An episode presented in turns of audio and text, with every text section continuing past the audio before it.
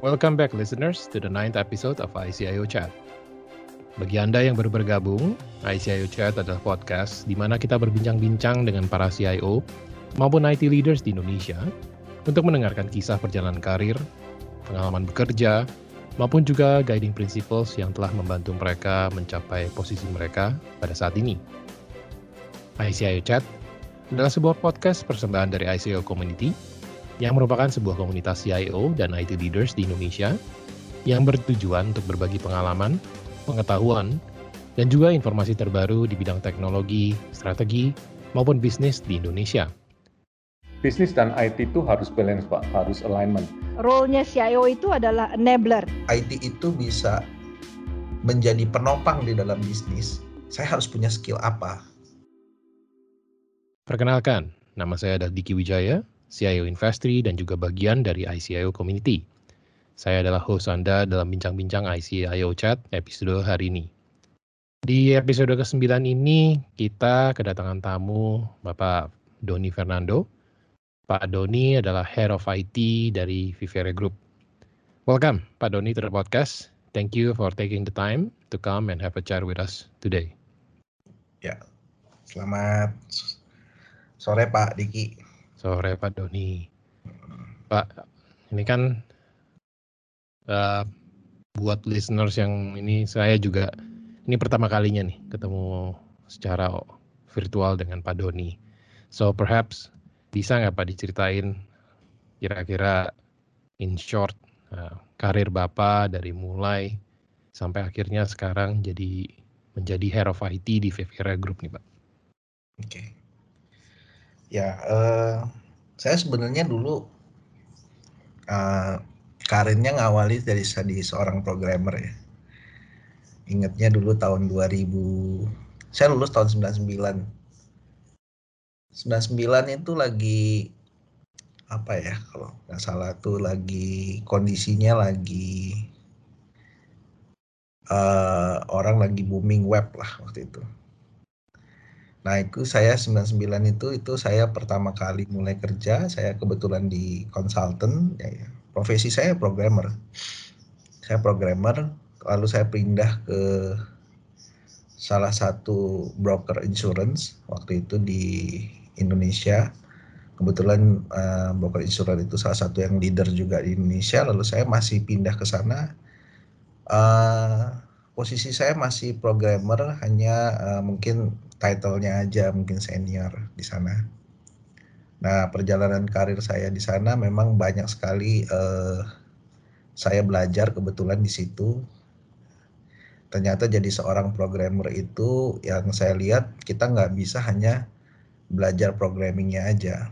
Karena memang saya punya cita-cita gimana sih saya hmm, pada satu saat saya punya ketemu sama satu perusahaan di mana satu perusahaan itu saya bisa bangun IT-nya dari nol. Nah itu cita-cita saya. Nah di situ saya belajar. Saya belajar eh, baik dari mulai programmingnya, baik mulai dari network, saya pelajari semua. Termasuk juga bagaimana saya eh, day to day-nya kita sama-sama di sana berkolaborasi untuk hmm, dalam menyelesaikan sebuah inisiatif ya, proyek inisiatif mulai dari awal sampai uh, sebuah proyek inisiatif, inisiatif itu bisa kita rilis, dipakai, digunakan, dimanfaatkan, terus berimpact kepada bisnisnya. Nah, saya melihat waktu itu uh, saya di sana, uh, kemudian dari pengalaman itu uh, akhirnya saya gabung uh, ke Vinoti dulu namanya. Jadi saya masuk ke PT Vinotindo yang mana dulu PT Vinotindo itu adalah bagian dari Vivere Group juga. Saya masuk di situ sebetulnya dulu uh, sebagai seorang IT yang ngerjain semuanya, Pak. Dari nol A to Z. Mulai ada orang masalah dengan desktopnya ya saya benerin. Sampai akhirnya satu waktu saya dipanggil oleh founder saya diminta untuk uh, bantu di Vivere Group. Uh, kemudian uh, saya memulai karir di Vivere Group itu uh, juga sama uh, dengan kondisi di mana uh, kita kan perusahaan furniture ya, perusahaan furniture lokal lagi. Jadi ya uh, untuk bicara IT itu ya kita pikir tuh masih jauh, masih jauh. Cuman founder saya, foundernya Vivere itu punya visi gimana caranya supaya perusahaan ini bisa world class. Nah, itu yang saya pegang. Ya itu saya akhirnya berkarir di sana sampai uh, sampai posisi saat ini di mana pada tahun 2000 breakthrough-nya adalah tahun 2011 kebetulan waktu itu. Di mana 2011 itu uh, foundernya panggil saya, beliau tanya sama saya, kalau perusahaan ini mau long life gitu misalkan, mau stable terus gitu, sistem IT seperti apa yang harus diimplementasikan Nah dari situ akhirnya saya di sana mengawali uh, perjalanan uh, eh, IT dalam skala enterprise di mana akhirnya kita memulai dengan mengimplementasikan sistem ERP. Nah, di dalam proses sistem ERP itu sampai hingga saat ini uh, ya itu hampir udah 9 tahun ya. Kita 2010 10 tahun ya, 10 tahun yaitu dalam perjalanannya saya uh, persisten, fokus, gimana ngedevelop sesuai dengan apa yang menjadi cita-cita secara gedenya di perusahaan itu. Itu sih Pak, sampai posisi saat ini, mostly udah hampir 10 tahun ya, udah 10 tahun ya. Saya uh, berkarir di Vivere. Lebih lah, kalau dari total semuanya hampir sekarang 17 tahun saya. Oh. Menarik karena oke okay, I'll get back to the visi dari global company, world class company ini Pak. Tapi mungkin I'll touch about di awal Bapak tadi raise it's not just about programming. Kalau kita lihat ya Pak, jarang ada yang ketika orang memulai karir itu berpikir bahwa progresi karirnya itu akan tergantung dari sesuatu yang belum dia kuasai. Hmm. Karena kan pasti waktu Bapak mulai, Bapak mau menguasainya programming. Ya saya tahu 1999 itu kalau kita kalau di luar kan dibilang the, the first.com bubble ya Pak. Iya betul. The, the original.com bubble, the OG. Uh, tapi pada saat itu Bapak pun sudah berpikir bahwa this is not just about programming. Programming is one, ya salah, salah satu aspek lah yang harus dikuasai pastinya. Tapi sudah memiliki kesadaran bahwa it's more than this. Nah, kalau orang yang sudah memiliki pengalaman atau berumur seperti saya, mungkin kita apa, nengok ke belakang, kita bisa bilang gitu kan Pak. Ya, in order for you to grow or to go where you wanna be, it takes more than what you know at that moment of time di perja di awal perjalanan kita ya pak. Kayak misalnya sekarang pun kita bilang kita mau pergi ke mana, most likely kita akan butuh skill set ataupun butuh pengetahuan knowledge skills itu yang mungkin saja belum kita kuasai saat ini. Tapi Bapak memiliki hal itu di awal karir Bapak.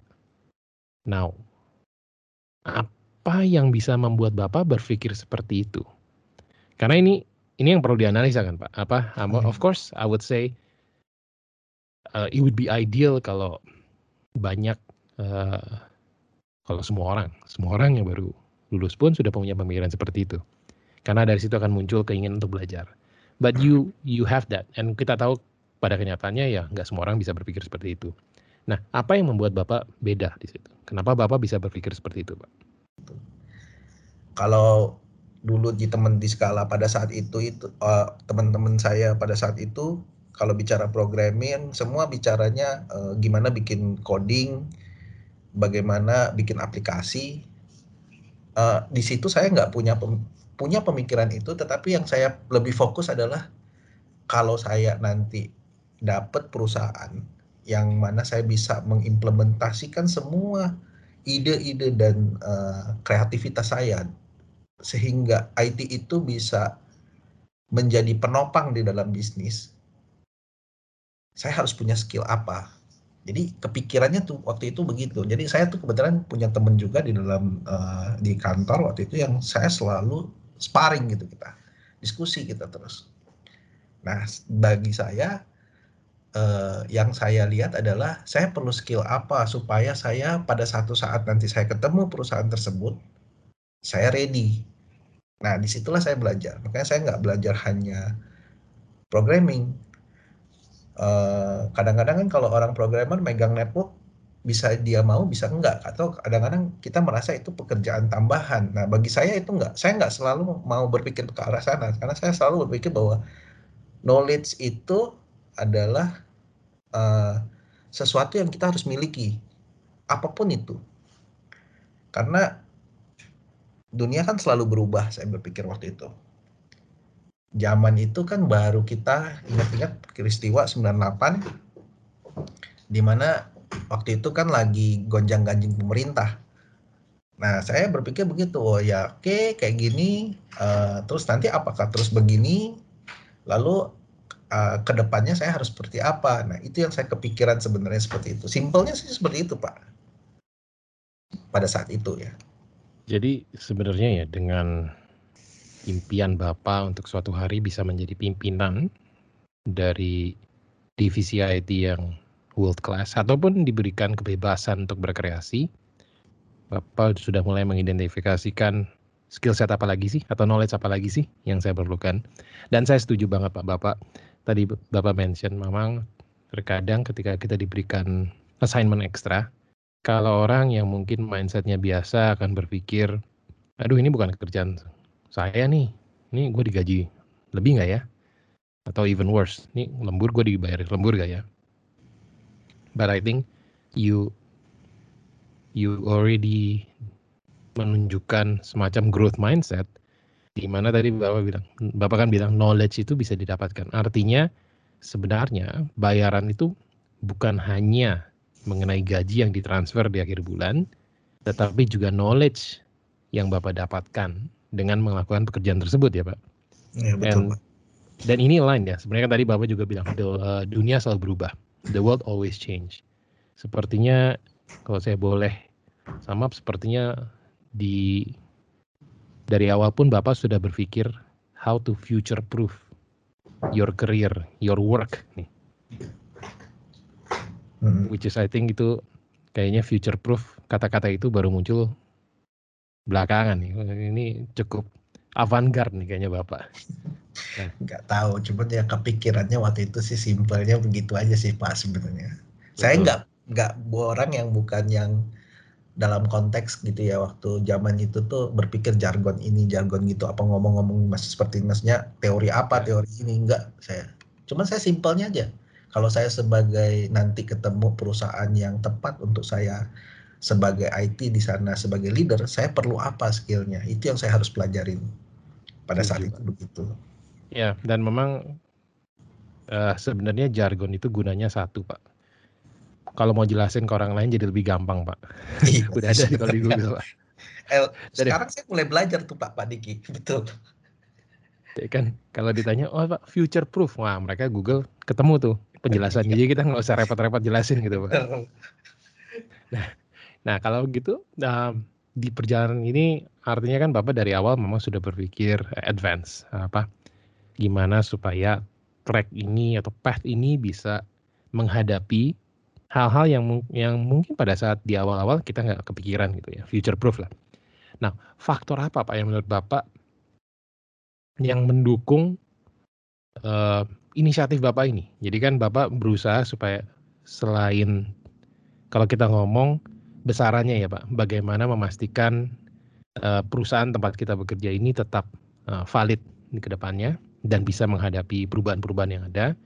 Tapi mungkin kalau kita turun ke granularitinya adalah bagaimana kita juga tetap membuat eksistensi diri kita sebagai uh, salah satu pegawai ya di perusahaan tersebut pun atau sebagai salah satu uh, tenaga itu tetap eksisten eksis lah di masa depan yang tidak bisa kita predik, so to speak.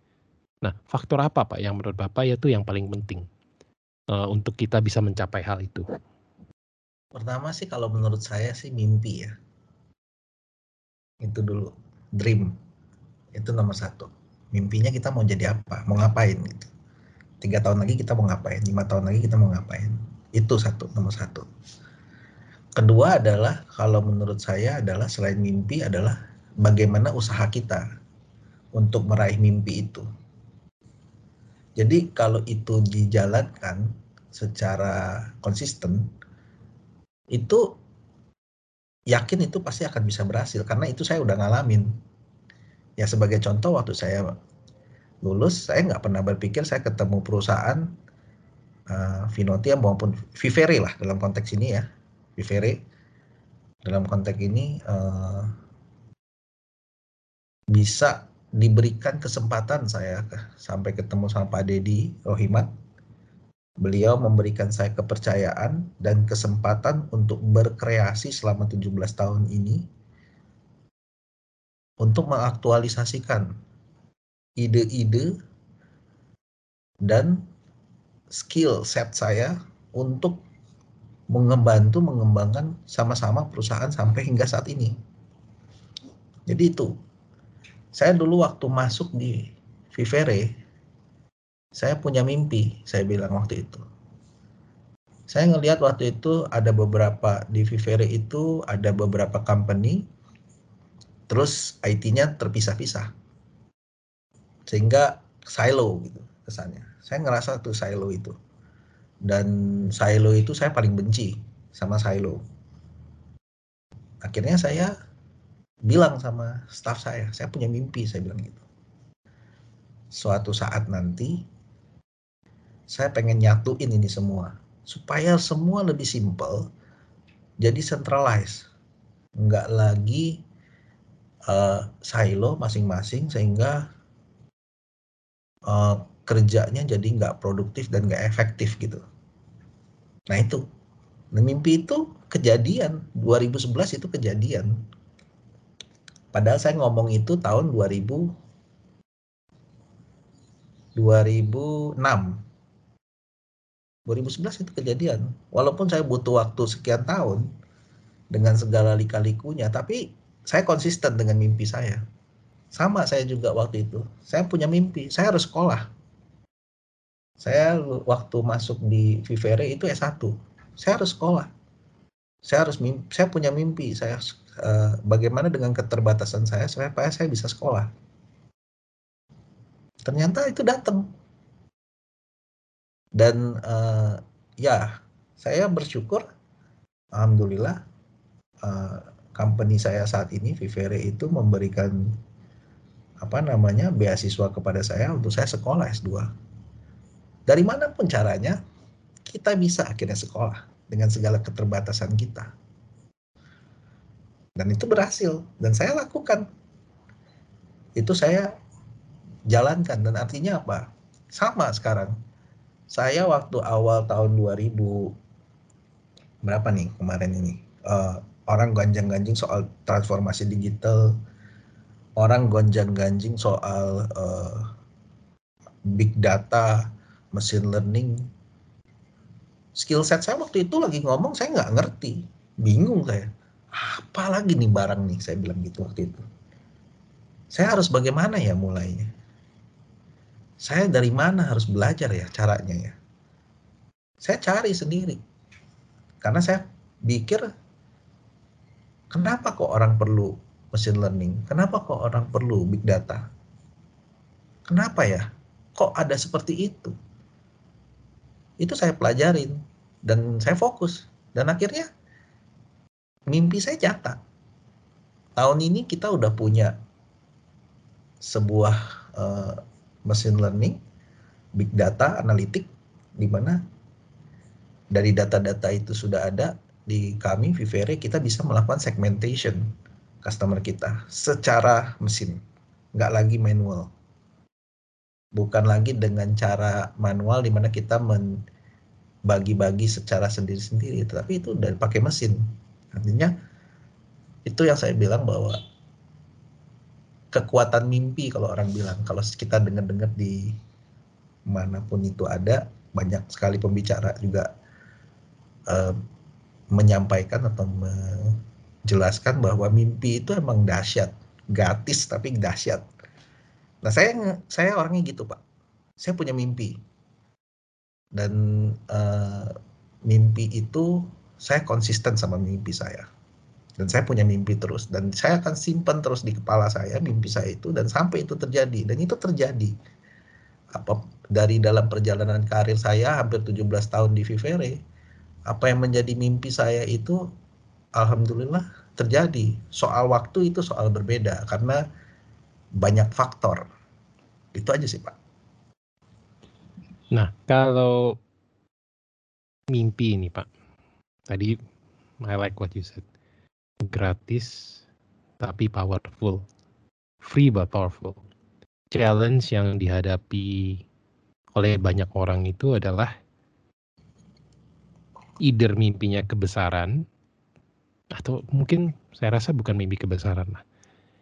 Uh, mimpi kebesaran kan itu cuma masalah problemnya bukan di mimpinya, problemnya di eksekusinya. Hmm. Bukan problem, challenge-nya di eksekusinya. Tapi banyak orang yang tidak bisa bermimpi, nggak bisa, belum memiliki kemampuan untuk berimajinasi visi ke depannya mau seperti apa. Tadi kan Bapak mention, kita mikirin tiga tahun lagi kita mau seperti apa, lima tahun lagi kita seperti apa. Now, apakah memang berpikir tentang apa yang ingin Bapak dapatkan ya dalam waktu 3 sampai 5 tahun itu selalu comes naturally atau bagaimana Pak caranya Bapak bisa menggali ide-ide lah. Kalau kita bilang kan untuk mendapatkan mimpi juga kita harus menggali ide ya. Iya. Menggali idenya itu seperti apa Pak? Kalau pengalaman saya sih mm, nggak selalu apa yang kita rencanakan itu 100% itu akan sesuai dengan apa yang kita rencanakan. Tapi eh, saya orang yang selalu mencoba melakukan introspeksi terhadap diri saya sendiri. Jadi lesson learn saya, saya akan pelajarin kalau saya belum bisa capai, why? Apa Masalahnya di mana? Kendalanya di mana? Apa yang kurangnya? Nah, saya berusaha begitu sih sebenarnya kalau saat ini. Nah, kalau soal uh, mimpi, menurut saya banyak, uh, saya nggak tahu ya. Kalau menurut saya, saya nggak pernah ber, ber, apa ya? Kalau kata-katanya itu tidak pernah uh, takut untuk bermimpi tidak pernah mau takut untuk bermimpi. Tapi mimpi itu walaupun itu besar, tapi realistis. Karena saya punya passion tuh, passion saya memang di IT. Jadi kalau saya mimpinya, passionnya uh, di, saya passionnya di IT, ya mimpi saya gimana saya mengaktualisasikan diri saya dengan kapasitas saya sebagai seorang IT. Nah itu itu mimpi saya karena itu passion saya. Saya kalau ditanyain yang lain, saya juga pasti nggak begitu tertarik. Saya pernah di dalam Vivere itu, saya di-assign di satu uh, uh, job di mana job itu bukan sama sekali related sama IT. Jadi kita kebetulan waktu itu ada bisnis namanya mechanical electrical. Saya di-assign di Vivere itu sebagai uh, operation manager waktu itu di sana Ya, saya beruntung juga. Walaupun waktu itu saya semangat. Tapi at the end di pertengah jalan saya mulai mikir, wah ini mulai nggak inline ya sama mimpi saya ya. Saya pikir-pikir ya. Gimana nih saya pikir waktu itu. Eh ternyata ya nggak tahu Tuhan yang mengarahkan saya 2011 uh, akhir itu saya dipanggil lagi sama Pak Dedi selaku founder beliau bilang suruh balik lagi ke IT kaget saya Nah, yang itu akhirnya masuk ke implementasi ini. Nah, artinya perjalanan itu uh, yang saya alamin artinya apa? Uh, saya nggak pernah bilang bahwa kita akan selalu smooth gitu. Pasti nggak selalu smooth. Tetapi begitu ada kendala atau apa, kita refleksi aja sama diri saya kita sendiri. Karena yang paling susah itu menurut saya adalah men menilai diri kita sendiri. Gam paling gampang itu adalah menilai diri orang lain kan. Paling susah itu menilai diri Betul sekali, Pak. Nah, jadi saya tuh berusaha bukan menilai orang. Saya berusaha untuk menilai diri saya. saya nilainya berapa sih sekarang? Misalkan 6. Oke, kalau saya mau jadi 7 saya perlu apa? Jadi saya berusaha step by step gitu Pak. Step by step, tapi arah dan tujuannya tetap. Jadi kalau orang bilang ada center itu ada centernya, saya lihat jarak pendeknya, jarak jauhnya masih inline nggak sama saya. Gitu. Nah itu yang saya coba lakukan sampai saat ini. Kira-kira gitu sih Pak Diki. Walaupun tadi Bapak bilang ini ada gunanya apa tidak, terkadang kan kita kita punya mimpi ya Pak. Um, tapi cara membuat mimpi itu menjadi kenyataan terkadang kita nggak tahu. And rightfully so tadi Bapak udah bilang, tahu-tahu ada aja muncul jalannya. Nah, kalau di pengalaman Bapak yang operation itu ya, um, apakah itu ada tetap ada mendukung Pak? Pengalaman itu mendukung mempersiapkan Bapak menjadi seseorang yang lebih komplit untuk bisa uh, mencapai tujuan your vision, your dream since the beginning, which is if kalau diberikan kesempatan untuk membuat sebuah IT yang world class dari nol itu seperti apa? Karena ujung-ujungnya kan artinya Bapak di mungkin di level user ya, seperti itu.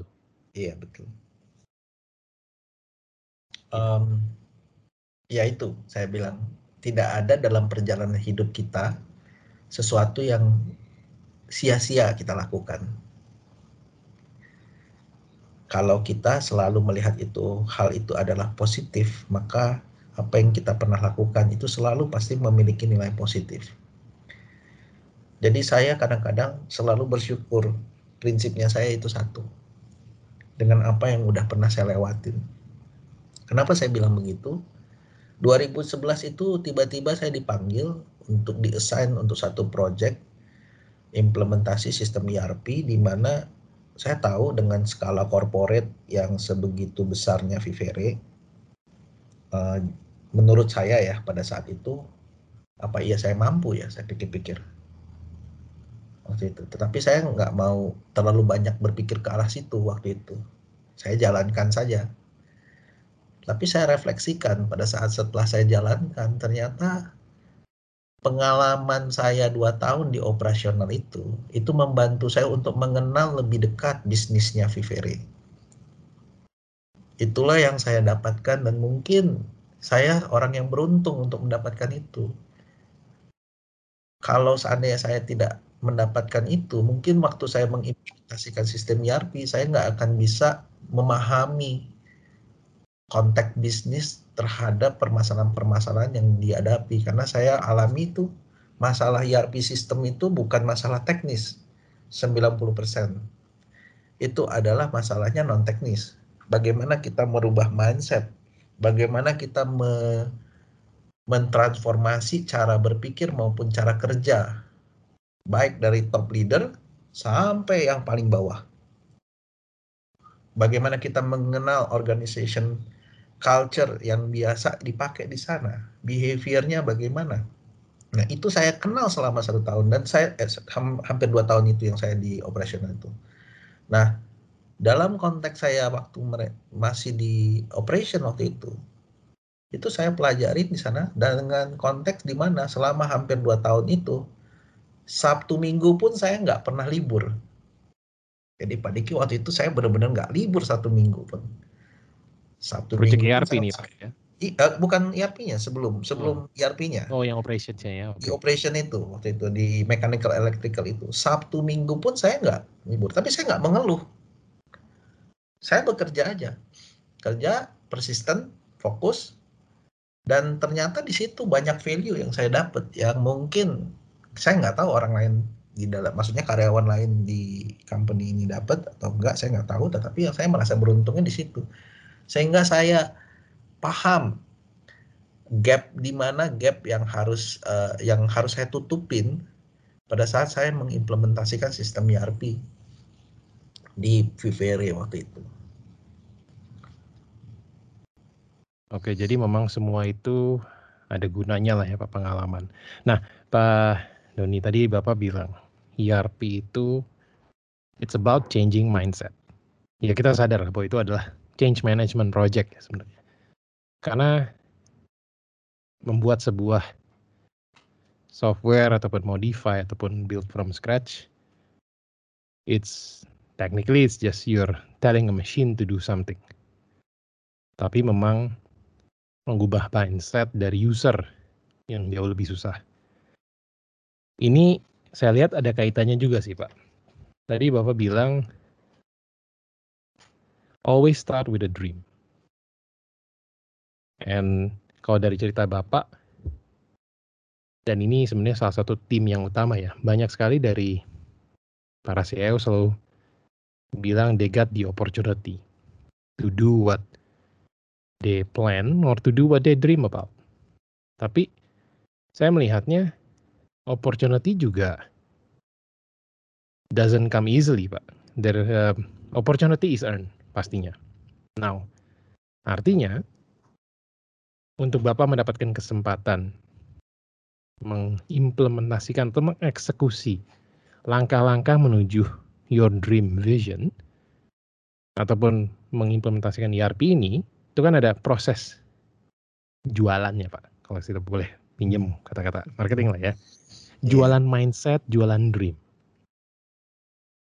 Ada tipsnya nggak nih Pak? Supaya uh, baik mimpi ataupun sebenarnya kan kita jualan ERP juga sebenarnya berjualan mimpi ya Pak ya, menjual mimpi bahwa operasional akan lebih smooth, operasional akan lebih lan apa uh, orangnya nggak usah uh, lembur hopefully gitu. Nah itu caranya menjual ini semua gimana Pak? Kalau mungkin dari pengalaman Bapak. Gitu. Kalau menurut saya sih bangun kepercayaan sih, belief. Jadi uh, apa yang menjadi belief kita itu di-sharing, disampaikan, lalu dikomunikasikan dengan para stakeholder. Uh, kemudian uh, ya saya biasanya suka sharing-sharing artikel juga pada pimpinan-pimpinan uh, unit bisnis itu sehingga itu membantu kita menyamakan mindset ya dunia lagi ke arah mana nih? Karena kan fungsinya kita sebagai IT leader ini kan sebenarnya apa ya? Uh, ngeling enabler ya kalau saya bilang. Mengconnecting ya. Kita tahu tools bisnis taunya problem. So tools mana yang tepat untuk solve the problem? Nah, di situ peran saya yang saya selalu coba mainkan dengan membangun komunikasi dan uh, penyamaan persepsi dan mindset dengan para pelaku bisnisnya. Saya sadar bahwa sekarang ini posisi ini kan saya supporting. Kita bukan uh, perusahaan teknologi, kami hanyalah perusahaan furniture. Jadi itu harus clear di posisi kita pahami bahwa karena kita sebagai perusahaan furniture kita pengen perusahaan ini tetap sustain secara jangka panjang juga beri memberikan manfaat kepada masyarakat Indonesia khususnya karena mimpinya uh, Pak Deddy Rohimat itu adalah beliau pengen semua orang Indonesia itu ada produk Vivere di rumahnya. Itu gimana menerjemahkan mimpi itu kan? Nah, dari connecting itulah kita membangun uh, persamaan apa namanya mindset dan mimpi dari Eh, bahwa ini adalah mimpi dari Vivere ke depan, lalu bagaimana IT mensupport, dibangun komunikasinya dengan pelaku bisnisnya atau stakeholdernya.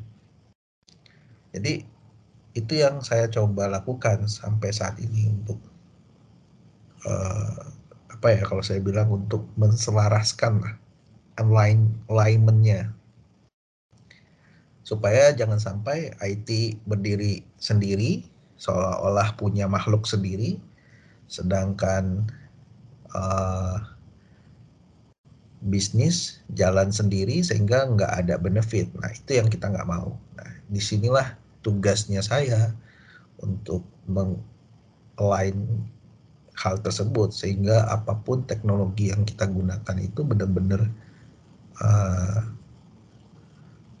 bermanfaat untuk operasional maupun pembeda kita sebagai dalam kita menjalankan uh, bisnis dengan kompetitor itu yang sebenarnya menjadi uh, pegangan sampai saat ini gitu Pak. Jadi memang alignment dengan visi bisnis ataupun visi perusahaan itu it comes before kalau tadi kan ceritanya world class IT Pak ya. Um, world class. World, ya, world class. ya. World uh, class. Isinya Vivere itu kan ingin menjadi organisasi kelas dunia. Ya kalau means unit IT kelas dunia juga gitu kan. Iya, betul. Intinya tapi kan memang iya, tapi challenge-nya kan bukan challenge lah. Kalau saya bilang godaan. Terkadang kan memang artinya memang sebagai IT leaders pasti Pak Doni dihadapi alignment dengan bisnis atau um, implementing something yang very sophisticated sehingga world class. Tapi hmm. kalau dari pembicara ini sepertinya saran Bapak adalah you always have to align with the business first and then figure out gimana IT-nya bisa world class sambil tetap deliver yang dibutuhkan oleh bisnis ya Pak. Hmm, kira-kira begitu. Oke. Okay. Nah, tadi hmm. Bapak bilang build trust, communication, uh, mindset alignment dan juga tech is an enabler. Saya rasa harusnya memang sebagai IT leader sudah berpikir seperti itulah. Nah, kalau untuk beberapa pendengar kita kan kebanyakan memang sebenarnya ingin pasti yang mendengarkan kita itu ingin mengubah mindset mereka, Pak. Ingin mengubah mindset agar bisa men mengikuti jejak Bapak gitu, menjadi pucuk pimpinan di IT grupnya gitu. Now, hmm. it takes a lot of effort kan Pak. Uh, kalau saya selalu bilang ngomong sama tim itu gampang, relatif lebih gampang. By default biasanya tim mendengarkan, biasanya ya. Lalu dengan atasan, ya mungkin beberapa orang juga kalau yang memang beruntung mendapatkan atasan yang bisa diskusi, seperti hmm. sepertinya Bapak juga mendapatkan seperti itu, itu enak ya, ada diskusinya. Tapi mungkin banyak juga yang mempertanyakan sebenarnya dengan peers. Bagaimana? Karena peers ini kan mereka tidak punya kewajiban ya untuk mendengarkan perkataan kita. Iya. Yeah. Tadi Bapak mention tentang share artikel, tapi apakah ada hal-hal lain gitu Pak yang bisa kita lakukan? Uh, ya betul Pak, itu nggak hanya share artikel aja sih sebenarnya. Banyak yang hal yang kita lakukan sebenarnya the end. Uh, saya bangun bangun itu ya. Yang paling penting itu adalah bangun komunikasi. Itu yang paling menurut saya paling utama.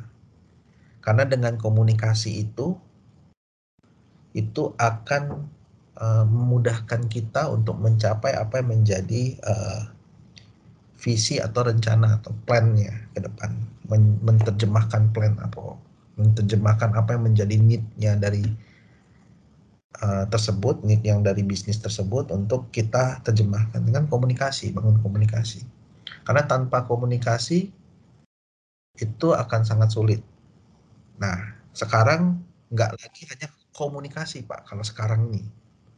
Beberapa tahun belakangan ini dengan peers itu itu kita harus bangun yang kedua nih. Kalau menurut saya adalah kolaborasi. Nah ini kuncinya ada di kolaborasi bagaimana kita berkolaborasi bersama-sama untuk mencapai tujuan bersama? Nah tujuan bersama ini yang kita bangun dan kita komunikasikan tadi. Nah kalau dua poin ini kita lakukan secara konsisten itu akan memberikan hasil atau objektif. Yang kita akan capai itu juga akan bisa ya kalau dibilang dream itu come true gitu. Nah, itu yang uh, bangun. Tadi benar saya setuju sekali bahwa yang paling sulit itu bukan memimpin tim bagi saya sebagai leader sampai saat ini orang yang punya garis tegas ke kita itu paling gampang untuk kita uh, apa namanya kita manage tapi kalau yang paling sulit adalah orang-orang yang tidak bagaimana kita menggerakkan orang-orang yang sama sekali tidak ada garis lurusnya ke kita. Nah, sehingga informal leadership itu Pak ya. Iya, itu. betul. Informal leadership betul sekali. Itu yang paling sulit, Pak, kalau menurut saya. Nah, membangun itu gimana? Samain visi kan, samain tujuan kan? Kita sama-sama nggak tujuannya nih? Kalau kita sama-sama yuk kita jalan nih. Kita kira kayak gitu. Membangun visi, membangun tujuan bersama di mana payungnya udah ada. Ini payung company-nya nih. Nah, bagaimana kita mencapai? Nah, itu. Kira-kira kayak gitu sih, Pak. Oke. Nah, terkadang memang mungkin saya rasa tadi kan Pak bilang komunikasi dan kolaborasi. Dengan banyaknya komunikasi, dengan intensifnya komunikasi, tentu harapan kita kolaborasi itu akan terbentuk. Tapi tidak menutup kemungkinan ketika kita komunikasinya sering pun ada misalignment, Pak. Dan iya. kita juga tidak bisa expect semua orang memiliki mimpi atau visi yang sama ya. Betul nah, sekali. Apakah memang kapan kita harus stay stay true to our vision, to our dream. Jadi kita mempertahankan atau memang in the spirit of demokrasi atau apa agar semuanya menerima itu kita mencari jalan tengah. Pasti masing-masing ada pro and kontranya sih. Tapi iya, betul. menurut Bapak mana yang enaknya duluan yang mana? Iya, itu itu memang benar ada ada pro and kontranya karena kalau pengalaman saya di dalam organisasi sampai saat ini kita nggak bisa bilang salah satu itu yang paling baik. Uh, ada di mana demokrasi itu lebih baik, tapi ada yang di mana memang ini adalah memang uh, konteksnya uh, vision yang benar-benar harus dipegang teguh itu yang lebih baik. Jadi tergantung konteksnya sih kalau menurut saya karena nggak dalam pengalaman saya saya nggak bisa bilang bahwa salah satu itu lebih baik dan salah satu itu saya lakukan nggak. Sometimes dua-duanya saya lakukan. Ada yang konteksnya kita harus uh, fokus sama ini loh visi yang akan dibawa untuk bagaimana IT ini mendukung misalkan bisnis ke depan. Tahu ada juga kita harus berkompromi kalau dibilang berdemokrasi. Di mana kita tahu ini ada gap gimana kita bridge the gap itu nah kayak gitu. Kira-kira kayak gitu. Kuncinya jadi sebenarnya kita harus bisa adaptable ya pak. Adaptability iya, menjadi suatu itu. kunci penting. Agile itu ya benar adaptasi. Betul, ya kalau orang sekarang dulu saya berpikirnya agile itu hanya mau cepet aja. Agile itu ya adaptasi. Betul. Sebenarnya ya, agile memang uh, dianggap jadi kan lebih cepat. Namun untuk kita bisa cepat itu artinya kan kita we are very adaptable sebenarnya. Betul. Jadi bukan kecepatannya yang ditujukan, tapi framework sisanya ini, efek terhadap cara kerja kita lah yang sebenarnya itu benefit lainnya. Dan itu nah, harus dimulai dari diri kita dulu, Pak. Setuju, Pak. Kalau dari atasnya belum nggak bisa ya. Dulu, gitu. As a leader ya kalau saya berpikir ya. Harus mulai dari kita dulu. Nah, start from us baru kita minta tim, baru kita minta rekan, peers, baru ke sana. Itu ibaratnya leading by example, Pak. Kita sudah menunjukkan baru yang lain bisa kita bisa minta yang lain untuk melakukan juga gitu ya. Yes. Oke. Nah, kalau sekarang kita tahu Pak bahwa memang terkadang kan tadi Bapak bilang um, bisnisnya Vivere ini adalah business furniture. Dan of course challenge-nya adalah it's not a tech company, but how do you still do or develop a world class IT di dalam perusahaan yang notabene bukan perusahaan tech. Karena kenapa saya ada bertanya ini Pak? Terkadang di dalam perusahaan yang tech saja itu susah dilakukan. Hmm. Apalagi bukan di dalam perusahaan yang ibaratnya fokusnya bukan tech ya. Itu ya. gimana itu approach-nya? Ya kita kalau dibilang udah world class company belum, tapi kalau dibilang juga IT-nya udah world class company menurut saya juga belum. Masih banyak gap yang harus perbaikin, yang terus di develop. Hanya untuk menjembatani ke arah sana itu adalah uh, yang paling pertama adalah bagaimana kita membangun semua uh, apa ya sumber daya manusia yang ada itu terutama di IT itu secara transparan kita kembangkan kita bangun dan bagaimana semua tim itu bisa berkontribusi positif dan sehingga itu yang akan membawa kita semua sama-sama bagaimana kita bisa menghasilkan sesuatu yang bernilai untuk perusahaan. Jadi uh, prinsipnya begitu. Jadi kalau kalau ditanya sama saya sampai saat ini saya lebih banyak melakukan empowerment uh, dari sisi leadershipnya. Bagaimana mendorong terutama ya sekarang anak-anak yang muda-muda saat ini kan mereka lebih menguasai ya teknologi yang saat-saat ini terkini gitu. Sedangkan di dalam tim itu kan mix ya. Ada yang muda, ada yang mungkin sudah nggak muda lagi. Nah, gimana kita mengkombinasikan mereka? Nah, empowerment, bikin mereka bekerja sama karena yang muda itu kadang saya melihat itu cara berpikirnya terlalu pendek. Sedangkan yang udah berpengalaman lama, cara berpikirnya terlalu panjang, dan takut kadang-kadang suka suka berpikir kalau begini resikonya begini ya. Benar semua, dua-duanya benar. Nah, gimana mengkombinasi ini jadi satu sehingga itu menghasilkan sebuah value atau sebuah nilai itu satu. Kedua balik lagi bahwa kita ini bukan IT company. Kita adalah furniture company. Jadi saya selalu berpikir bahwa bagaimana kita bisa mengempower partner-partner di luar sana agar bisa menutupi hal-hal yang sifatnya operational IT sehingga kita nggak terlalu banyak fokus di IT operation sehingga kita bisa shifting kita fokus ke bagaimana IT itu memberikan pembeda untuk bisnis. Nah, saya arahnya ke situ. Nah, jadi kita akan fokus ke situ aja. Karena balik lagi bahwa kita ini bukan IT company, kecuali kita IT company. Karena kita bukan IT company, maka kita harus fokus sama bisnis kita. Bisnis kita apa? Furniture. Oke, kalau kita bisnisnya furniture, apa yang kita harus lakukan? Dengan menggunakan IT as a tools. Gitu. Yap, karena ujung-ujungnya memang uh, even if suatu hari nanti IT di tempat Bapak menjadi sebuah competitive advantage ya Pak. Mm-hmm. At the end of the day, tetap basic hygiene-nya pun harus dipenuhi. Iya.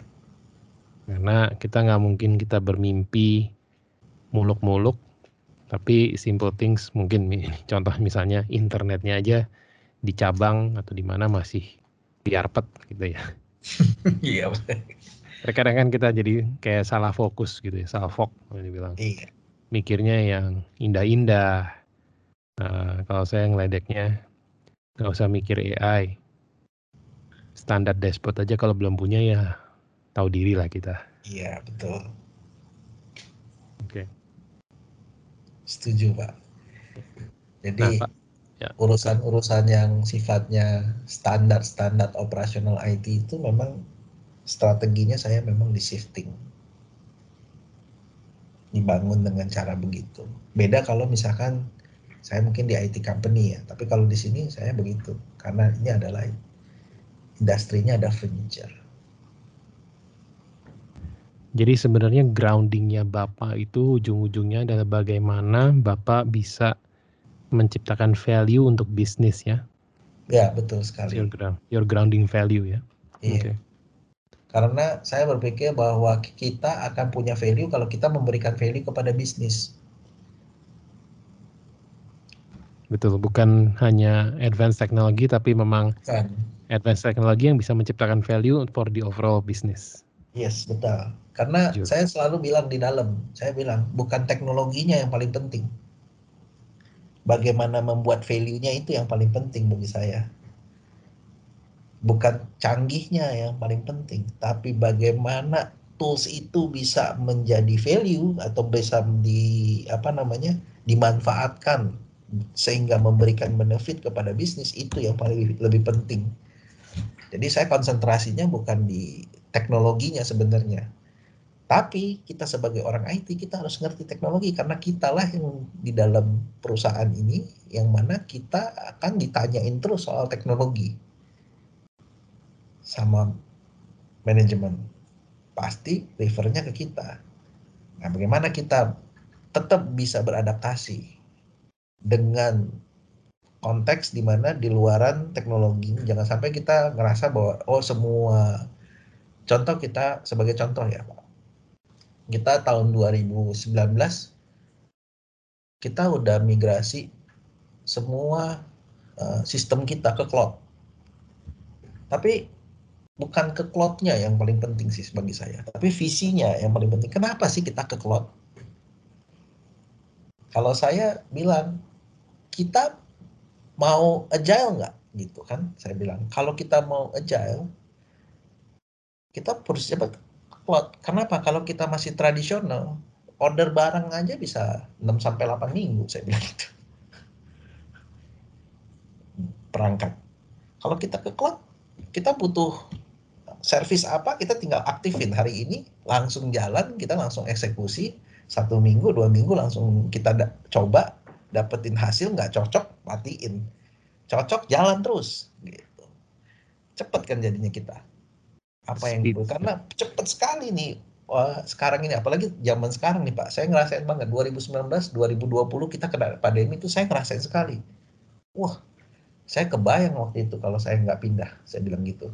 Tapi ya berbeda. Orang tadinya kerjanya di uh, kantor semua sekarang orang kerjanya di remote. Gimana nih kayak sekarang nih? Gimana nih caranya kalau saya nggak siap dalam konteks sebagai uh, eh, IT untuk mensupport bisnis dengan konteks di mana perusahaan tetap harus ada revenue tiap tiap bulan tapi toko nggak bisa buka. Apa yang harus kita lakukan?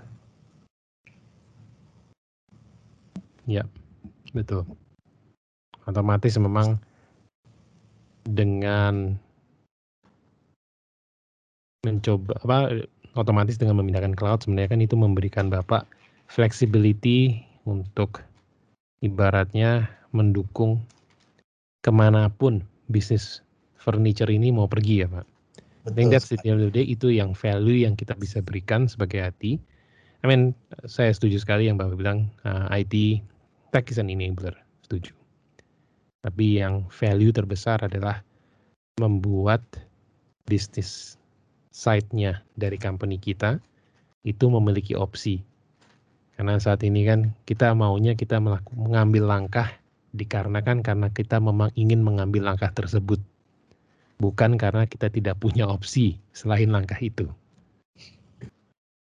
Nah, ya. kalau dari sepanjang karir ini Pak, um, what is your biggest I think challenge. And how did you overcome it? Biggest challenge. Ya.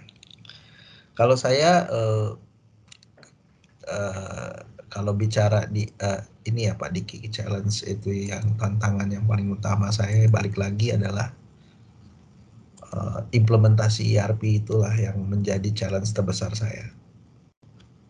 Dan itu, itu kayaknya semua IT berpikiran yang sama, Pak. Nah. tapi ya saya beruntungnya ya. Ya tapi saya beruntungnya saya bisa lewatin itu semua yang saya bilang ya lewatin itu semua dengan baik uh, dan muncul tantangan kedua, wave kedua itu adalah sama saya adalah di mana orang ngomong yang tadi buat bilang AI, machine learning, uh, industri 4.0. Kita harus ngapain ya? Waktu itu kan. Itu uh, wave kedua menurut saya. Ya. Tapi apakah kita uh, konsentrasi lagi dengan teknologinya? Enggak, Pak. Saya balik lagi, saya enggak konsentrasi sama teknologinya. Tapi memang ternyata digitalisasi sekarang, apalagi didorong dengan COVID sekarang ini nih. Yang ibaratnya jadi leadernya digitalisasi lah kalau saya bilang kan. Transformasi digital. Nah ini emang apa ya kalau saya bilang emang menjadi tantangan untuk kita sebagai leader itu di dalam uh, organisasi. Untuk kita ini bagaimana kita cepat-cepat beradaptasi dan kita bisa mempersiapkan diri dengan skill set skill set yang baru. Kita mungkin bisa ngomong uh, hari ini machine learning. Semua orang pasti bisa ngomong machine learning, tapi dalamnya kayak gimana? Bagaimana kita mempelajarinya itu kan yang paling penting. Bagaimana kita memanfaatkan machine learning untuk untuk bisnis kan itu yang paling penting. Mungkin kalau uh, kita dengar uh, baca buku atau dengar di mana orang machine learning kita bingung kan karena kan masih common pak, masih umum, jar jargonnya itu masih umum. Tapi begitu kita masuk ke dalam company, apa yang dibutuhkan ya sama mereka sehingga bicara machine learning kan? Nah itu tantangan yang keduanya, wave keduanya. Dan itu yang saya sekarang uh, ibaratnya hmm, lewatin juga. Kita lewatin itu. Saya lewatin itu. Saya melewati itu dengan berusaha belajar. Ya mulai dari saya diri saya sendiri untuk terus update dengan uh, informasi yang baru dan bagaimana memappingnya dengan kebutuhan bisnis karena orang-orang bisnis itu pasti uh, belum tentu semuanya paham bagaimana cara meng apa ya kalau saya bilang meng, mengadaptasi sebuah teknologi ke dalam bisnis itu. Nah, dia perlu kita, dia perlu orang IT yang mengerti bisnis untuk sinergi dalam hal ini. Nah, itulah yang makan saya bilang selalu bilang bahwa inilah yang menjadi uh, apa ya saya bilang poin penting wave tadi. Kalau big challenge ya dua hal itu yang menjadi big challenge-nya saya. ERP yang kedua yang sekarang ini dengan teknologi ini. Yang baru-baru yang segitu banyak cloud machine learning ya kita belum sampai AI kita baru sampai machine learning gitu. tapi ya ke depan itu kita lihat opportunity-nya ke sana gimana. IoT kita juga belum begitu banyak masuk ke IoT, tapi apakah kita akan ke situ? Kita lihat nanti. Bisnis gap-nya membutuhkan itu nggak? At least kita tahu bahwa ada teknologi-teknologi itu. Thank you nih Pak untuk masukannya, penjelasannya. Uh, mungkin last question dari saya adalah lebih ke arah ini. Uh, kalau ke tim atau mungkin ke siapa pun ya yang baru memulai karir, you can tell them one thing. Apa yang akan Bapak sampaikan? Wejangannya gitu. Jangan pernah berhenti belajar sih yang pasti. Uh, itu pertama. Kedua ya jangan pernah takut untuk bermimpi bahwa uh, mimpi mau mau ke mana kita nanti gitu. Mau kita mau bawa diri kita ini ke mana? Karena kan kita yang merancang diri kita sendiri bukan orang lain. Nah sekarang kita mau drive kita sebagai ya, ya kalau saya lebih senang jadi driver ya bukan jadi passenger ya. Saya jadi driver ya saya ngedrive diri saya sendiri. Saya mau ke mana nih nanti? Nah kita yang tentuin Nah dari situ ya jangan pernah berhenti untuk belajar. Itu aja saya sih kalau saya filosofinya simpel-simpel begitu, at least mudah dimengerti. Sama tim saya juga saya bilang kayak gitu, jangan pernah lelah untuk belajar. Kenapa? Knowledge itu kita bawa ke mana-mana kok, saya bilang gitu. Mau gak ada ruginya ya Pak? Gak ada ruginya, saya bilang gitu. Ya. Lu punya banyak knowledge juga, lu pasti dapat benefit kok. Jangan ngelihat oh kita udah ada knowledge kita akan dibayar lebih sama orang. Jangan mikir jangan begitu. Semua apa itu akan ngalir secara otomatis itu. Saya bilang gitu. Pikirin aja. Ada knowledge ada ada ilmu yang kita dapetin. Ilmu itu kita bagi sama orang lain. Kasih manfaat nggak? Kalau kasih manfaat kita happy. Orang yang terima juga happy gitu. Saya bilang gitu. Nah saya coba sama tim selalu begitu. Sehingga saya selalu membangun budaya di dalam tim jangan pernah lelah untuk belajar. Belajar terus. Belajar terus. Kita sama-sama belajar kalau perlu. Kira-kira gitu sih pak. Dan itu sebenarnya menciptakan uh, virtual cycle pak. Dengan kita tidak berhenti belajar sebenarnya itu juga akan mempertajam ataupun memperindah mimpinya kita. Dan kemudian untuk mencapai mimpi itu kita harus belajar lagi. Dan itu terus berputar-putar itu pak.